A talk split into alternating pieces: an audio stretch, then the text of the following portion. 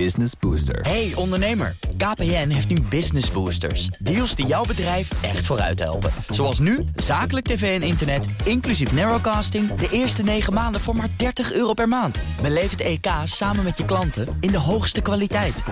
Kijk op kpn.com slash businessbooster. Business Booster. BNR Beurs wordt mede mogelijk gemaakt door Bridge Fund. Make money smile. BNR Nieuwsradio. BNR Beurs. Wesley Weert. Je luistert naar de podcast voor de slimme belegger BNR Beurs. Nou, normaal samen met mijn collega en goede vriend Jelle Maasbach. Maar die is ziek, beterschap Jelle. Maar gelukkig is mijn gast er wel. Simon Weersma van ING Investment Office. Goed dat je er bent. Dank je. Ja, ik, ga, ik ga jou vandaag een beetje gebruiken als mijn Jelle, als je dat goed vindt. Ja, helemaal goed. Ja, je wordt meteen voor de leeuwen gegooid. Het is uh, dinsdag 21 februari, de dag waarop president Poetin met zijn lang verwachte speech kwam. Hij ging daarin behoorlijk tekeer tegen het Westen. En de president beschuldigt het Westen van het starten van de oorlog in Oekraïne. В этой связи вынужден заявить сегодня о том, что Россия приостанавливает свое участие в договоре о стратегических наступательных вооружениях.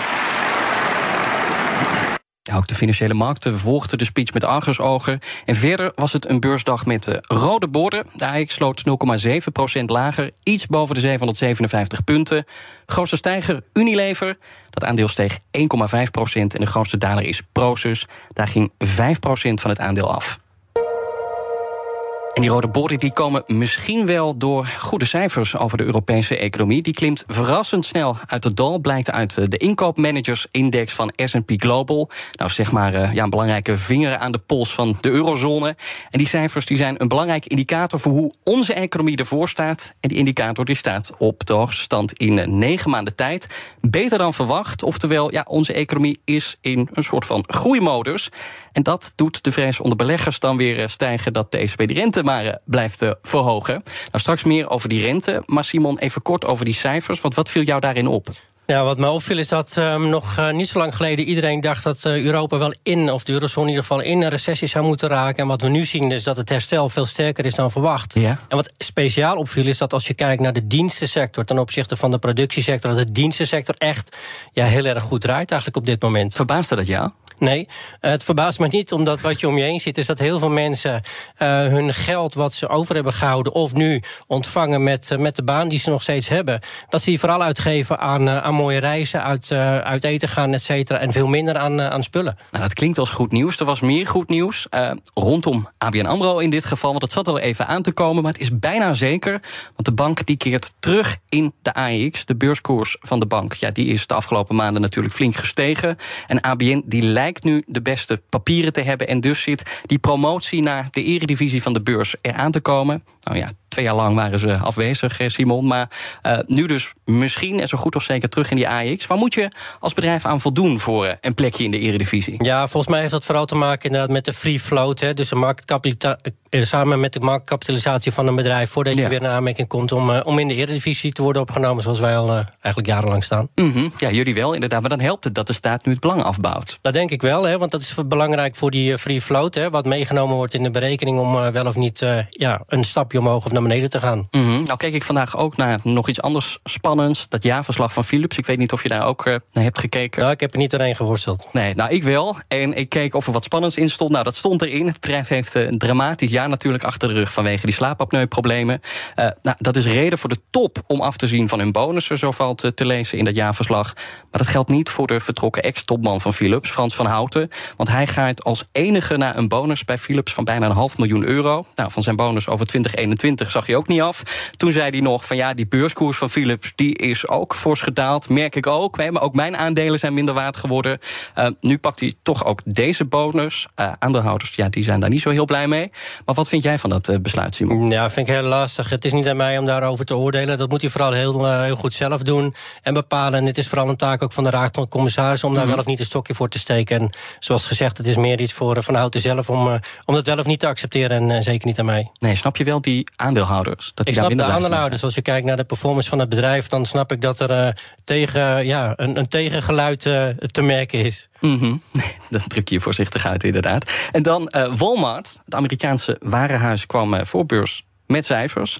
En tijdens de feestdagen werd er meer verkocht. Mensen hebben denk ik een uh, oudejaarsbonus er flink doorheen gejaagd bij Walmart. Ze kochten UX, speelgoed, stofzuigers. Um, ook rijke mensen, zag ik, die vinden ook steeds vaker de weg naar Walmart. En die voelen nou, de inflatie ook, zijn ook op zoek naar koopjes. Maar beleggers die keken vooral naar de toekomst. En die toekomst die stelt teleur. Ja, dat is daar gaan we zo verder over praten. Okay. Zometeen hoor je of de goede cijfers over de Europese economie voor hoofdpijn zorgen bij de ECB. Want betekent dat dan weer slecht nieuws voor jouw beleggingen? Maar we gaan eerst praten over Walmart. Je wil al verder gaan.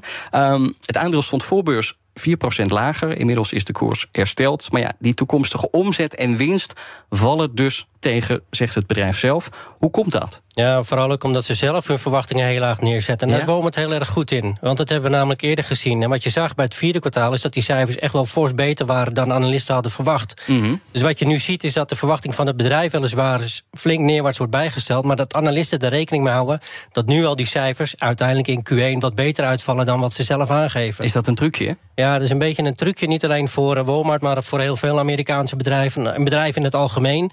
Waarbij ze toch de verwachtingen proberen te temperen om ze uiteindelijk weer te overtreffen. Ja.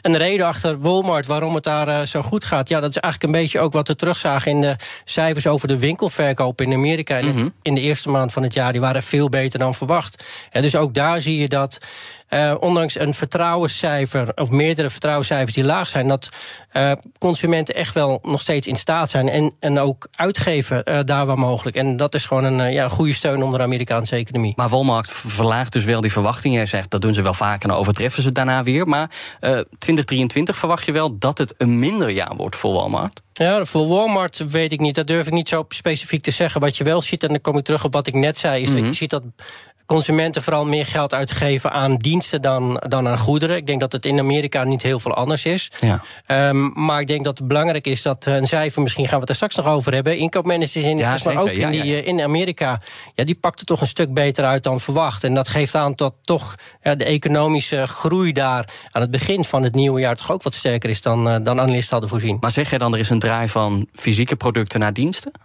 Ook, uh, dat is al langer aan de gang. En uh, je ziet dat al uh, in, ja, in 2022 al heel duidelijk terug in de cijfers. Maar waar ik op doel is eigenlijk dat de recessievrees of recessieangst... die we eerst hadden voor de eurozone... dat we die later kregen voor Amerika... dat die nu langzaamaan toch wel wat weg hebt of naar in ieder geval naar achteren schuift. Ja, nog even die cijfers van Walmart. Want bij die vorige bekendmaking van de cijfers... was er ook sprake van een inschattingsfout... waardoor er ook grote voorraden van kleding en huishoudartikelen... ja, die, daar bleven ze mee zitten... Hoeveel last hebben ze daar nu nog van? Zie je dat nog steeds terug in de huidige cijfers? Je ziet het nog wel deels, maar wel minder. En ik denk ook dat dat de les is geweest van, van Walmart en voor meerdere bedrijven. Is dat daar waar ze natuurlijk enorm hebben geprofiteerd in de coronatijd. dat mensen thuis dingen konden bestellen. Mm -hmm. echt producten uh, afgeleverd kregen. Dat daarna, wat ik net al zei, dat ze meer naar diensten overgaan. Ja, en dat ze met te veel en te hoge voorraden zaten. En dat hebben ze nu gecorrigeerd. Ja, en ze dat dachten nu... dat wel even te verkopen. Precies, omdat dat natuurlijk een lijn was die, die ze ja, voor het gemak maar eventjes heel positief doortrokken en dat niet zo uitpakte. Ja, wat mij nog opviel, dat, was dat ze het online goed deden. Uh, ja, Amazon is natuurlijk de grote speler in Amerika. Ja, de, de, ja, bijten ze al een beetje, lopen ze al een beetje in op Amazon? Nou, ik vind het um, makkelijk om te concluderen dat ze dat doen. Ik denk dat Amazon echt wel een hele grote voorsprong heeft. Wat je wel ziet is dat Walmart, waar ze juist achterbleven...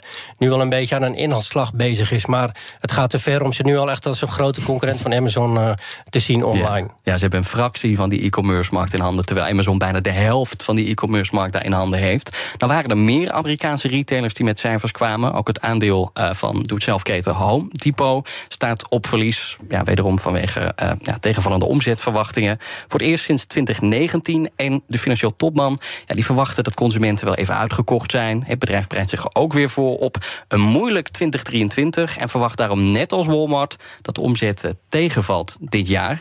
En zeker de resultaten van Walmart die worden toch altijd wel een beetje gezien als de graadmeter van de Amerikaanse economie. Simon, jij hebt die cijfers bekeken. Wat is jouw indruk van die uh, Amerikaanse ja, ja. economie? Nou, als je kijkt naar de vierde kwartaalcijfers, om daar hebben we het over met, uh, met Walmart, mm -hmm. dan zijn die toch duidelijk beter dan verwacht. En dat geeft aan dat ook de Amerikaanse consument ja, toch wat sterker is dan werd gevreesd. En wat je ziet is dat het opgepotte extra spaargeld in de coronatijd, in de pandemietijd, 2700 miljard dollar. Ja. Daar hebben ze nu 900 miljard van uitgegeven vorig jaar.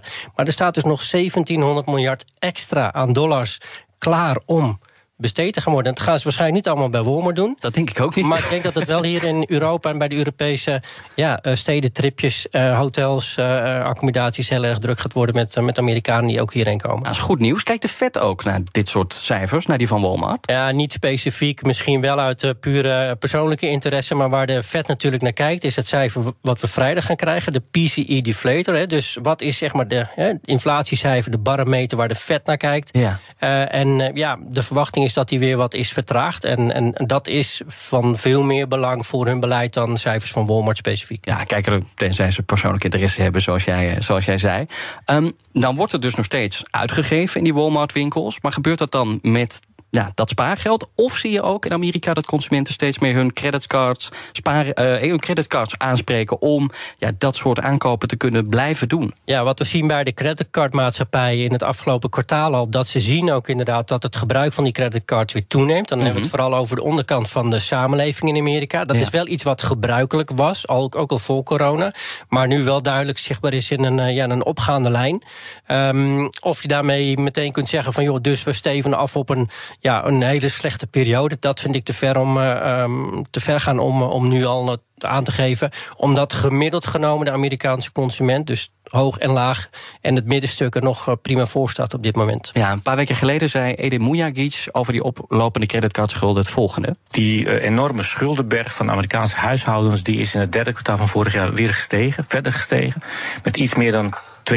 Maar als je volgens gaat kijken naar de delen van die schuldenberg, dan zie je dat één bepaald segment echt ontzettend hard is opgelopen. En dat zijn de creditcardschulden. Daar, daar is een plus van 15% op genoteerd. Um, en dat is de grootste stijging in meer dan 20 jaar tijd. En hij zegt dat dit op termijn de economische groei kan afremmen. Want ja, als ze hun creditcard niet kunnen betalen, ja, dan kunnen ze een andere rekening misschien ook niet betalen. Zorgt dan voor een domino-effect. Uh, wat vind jij van die vrees die hij uitspreekt? Ja, ik denk dat als je puur kijkt naar die 15% stijging, hè, dat je in eerste instantie een beetje in, in de schrik schiet van... oh jee, gaat dit wel goed? Mhm. Daarbij moet je wel um, meenemen dat het niveau van creditcardbestedingen... de afgelopen jaren juist extreem laag was. Ja, dus je komt van een heel laag niveau. Ja, en dan is een 15% stijging klinkt als iets ja, heel massaals. Ja. Uh, maar komt wel van een laag niveau. Dus ik zou uh, daar niet al te veel nog aan uh, conclusies aan, aan verbinden. BNR Beurs. Gisteren bleven de beurzen in Amerika dicht vanwege President's Days. Nou, de beurzen die zijn na een lang weekend met verliezen geopend. De Dow Jones die staat nu in het rood, net als de S&P 500 en de Nasdaq. Dow Jones min 1,7 procent. S&P 500 ook op een min van 1,7 procent. En de Nasdaq staat ruim 2 procent lager. Nou, vooral Big Tech zitten in de lappenmand. Apple, Microsoft, Alphabet staan allemaal op verlies.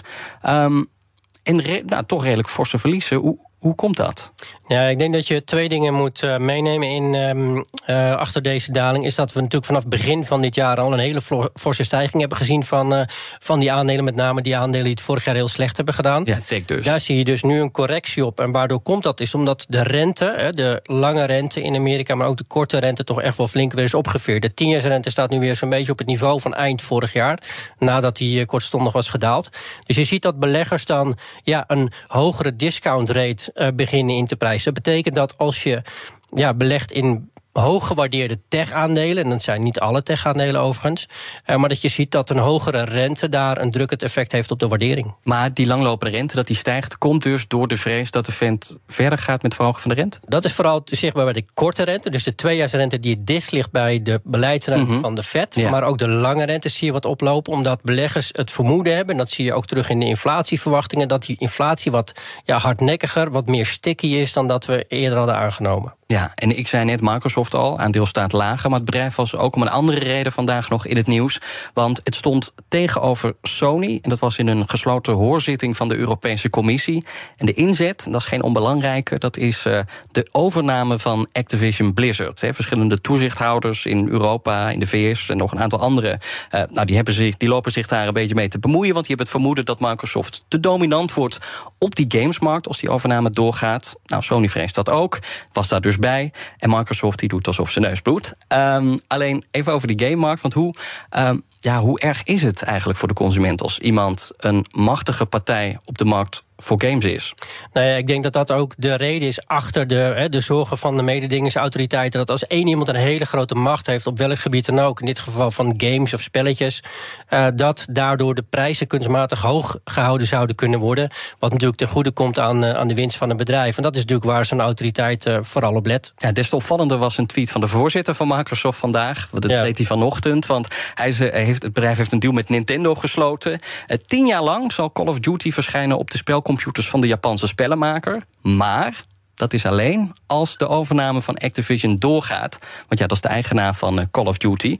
Ja, wat vind je van die set van Microsoft? Ja, is slim. Ja, het is op zich wel slim. Het is natuurlijk ook een beetje inspelen op de emotie. Um, tegelijkertijd zie je dat de reactie van Sony heel duidelijk is. Uh, en dat ook de argwaan nog steeds bij de mededingingsautoriteiten er is. Um, waarbij de angst is dus dat Microsoft te groot zou worden op het, uh, op het spellenplatform. Ik vind het op zich wel, uh, wel aardig bedacht. Je gaat dat precies doen op de dag dat die hoorzitting is. Ja, om niet toevallig, aan te tonen, denk ik. Om aan te tonen dat, je, dat het geen zin het idee van Microsoft is om heel machtig te worden. Maar ja, ik denk dat um, menigeen uh, daar toch wel um, ja, um, argwanend naar kan kijken. Die toezichthouders zijn daar niet gevoelig voor? Ik denk het niet. Ik denk dat het een heel lastig karwei wordt om, uh, om dit er doorheen te krijgen. BNR Beurs. Je hoorde het aan het begin van de uitzending al even. Die economische bedrijvigheid in de eurozone. Die groeide in februari opnieuw.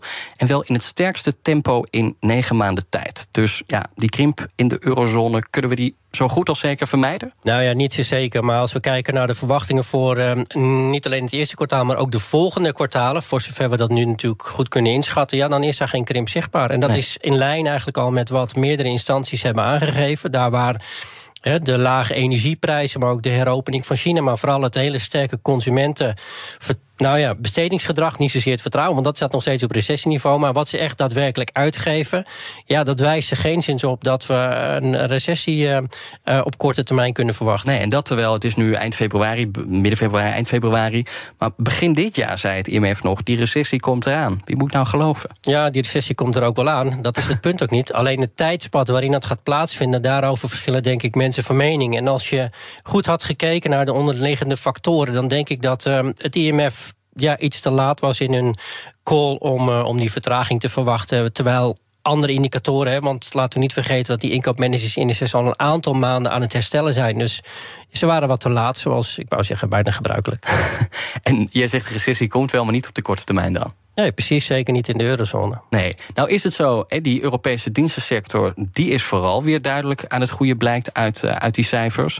Uh, nou zijn al die cijfertjes is allemaal een beetje abstract. Maar even voor de luisteraar, hoe merken wij dat in de praktijk... dat het weer wat beter gaat? Nou, ik denk dat je vooral heel goed om je heen moet kijken. Dat is ook het advies wat ik mensen ook altijd uh, geef. Van, joh, ja, hoe moet ik nou de cijfers duiden? Maar als je in een stad loopt of in een dorp... en je ziet dat bij de bakker nog mensen worden gevraagd... of in uh, restaurants mensen worden gevraagd... en je heel lang moet wachten voordat je een plekje kunt reserveren, dan denk ik dat dat hele goede graadmeters zijn. Net zo goed als de, de file hier op de ring dagelijks in Amsterdam. Um, dat zijn voor mij ook signalen die ja, eigenlijk in de praktijk heel, heel goed aangeven hoe het gaat met een economie. En één ding moet ik daar wel bij opmerken, en daar wordt vaak naar gewezen, want ja, werkloosheid is, is lagging. Hè? Dus mm -hmm. um, dat is ook zo. Hè? Pas op een heel laat niveau of in een heel laat stadium gaan bedrijven mensen ontslaan. Uh, maar op dit moment is er nog steeds een sprake van een hele grote zoektocht naar, naar mensen. Dus ik denk dat we ja, het traject van mensen ontslaan, dat dat nog een, een stukje verder in de tijd ligt. Ja, al met al staan die economieën in Europa er dus uh, ja, een stuk sterker voor dan we een maand geleden dachten. Uh, zorgt dat voor kopzorgen bij de ECB?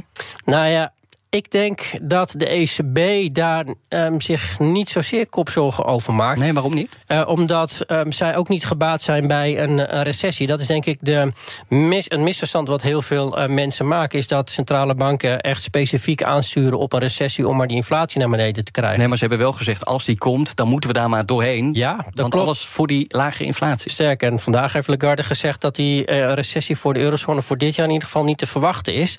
En dat is niet dramatisch.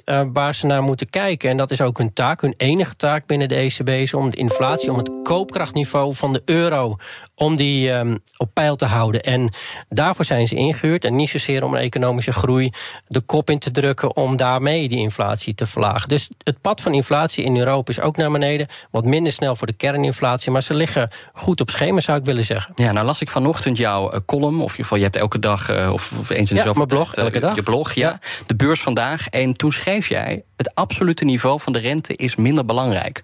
Bedoel je daarmee dat een stabiele rente beter is? Nou, niet zozeer een stabiele rente. Wat we natuurlijk vorig jaar hebben gezien... is dat rentes, zowel beleidsrentes van centrale banken... als ook kapitaalmarktrentes... en vooral ook de reële rente na aftrek van inflatie... dat die enorm scherp is opgelopen. Ja. Dus die beweging, die steile beweging omhoog... dat doet meer pijn dan wanneer je op een bepaald niveau hoog hoog niveau zit.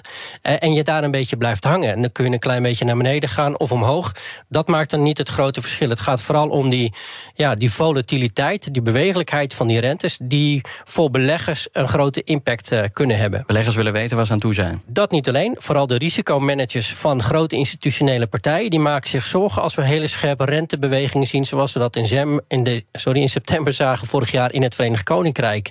Toen schoten rentes omhoog, hè, vanwege, ik noem ze dan Dammer Dammer met een heel mooi financieel plan om, uh, om Engeland uit het slop te trekken. Mm -hmm. Dat ja, pruimde beleggers niet. Toen zag je dat uh, de obligatiemarkt in de stress schoot. En die nam alle andere markten mee. En op het moment dat daar de rust weer een beetje terugkeert... dan zie je ook dat andere markten stabieler kunnen opereren. Nou, we kunnen er nog heel lang over doorpraten... maar Zeker. wij gaan kijken wat er morgen op de agenda staat.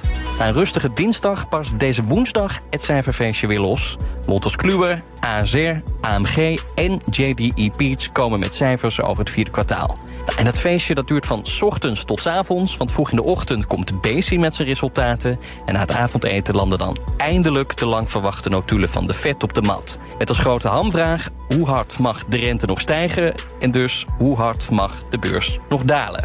Nou, een belangrijke rol is ook weggelegd voor chipmaker Nvidia. Die komt na beurs met cijfers. De verwachting is dat die omzet flink daalde in het vierde kwartaal. Maar niemand op Wall Street vindt dat nu heel erg belangrijk. De groei voor het komende jaar daarentegen, dat is waar het om draait. En met de recente hype rond kunstmatige intelligentie, de opkomst van ChatGPT, verwacht niemand dat de vraag naar chips af zal nemen dit jaar.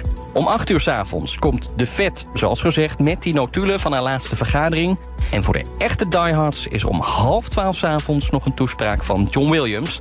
Dat is de baas van de Fed in New York. Nou, we hebben een paar tellen. Waar ga jij naar kijken? Nou ja, ik ga vooral kijken naar de renteontwikkelingen morgen. Uh, die cijfers van die bedrijven die, uh, vind ik ook wel interessant. Vooral die van, uh, van Bezi is toch ook een van onze AX-toppers dit jaar. Ja. Um, dat zijn de belangrijkste punten. Nou, dan gaan we het morgen dan weer over hebben in BNR Beurs. Dit was hem, de aflevering voor vandaag. Dankjewel, Simon Weersma van ING Investment Office. Ja, zonder Jelle dus. Hopelijk is hij er morgen weer. Maar we sluiten wel, zoals je van ons gewend bent, af met een tip uit dat boek van Corné van Zel. En dit keer eentje voor de belegger die ja, overal beren op de weg ziet. Wie bang is, hoort overal wat. Tot morgen. BNR Beurs wordt mede mogelijk gemaakt door Bridge Fund. Make money smile. Hardlopen, dat is goed voor je. En Nationale Nederlanden helpt je daar graag bij. Bijvoorbeeld met onze digitale NN Running Coach... die antwoord geeft op al je hardloopvragen. Dus, kom ook in beweging. Onze support heb je. Kijk op nn.nl slash hardlopen.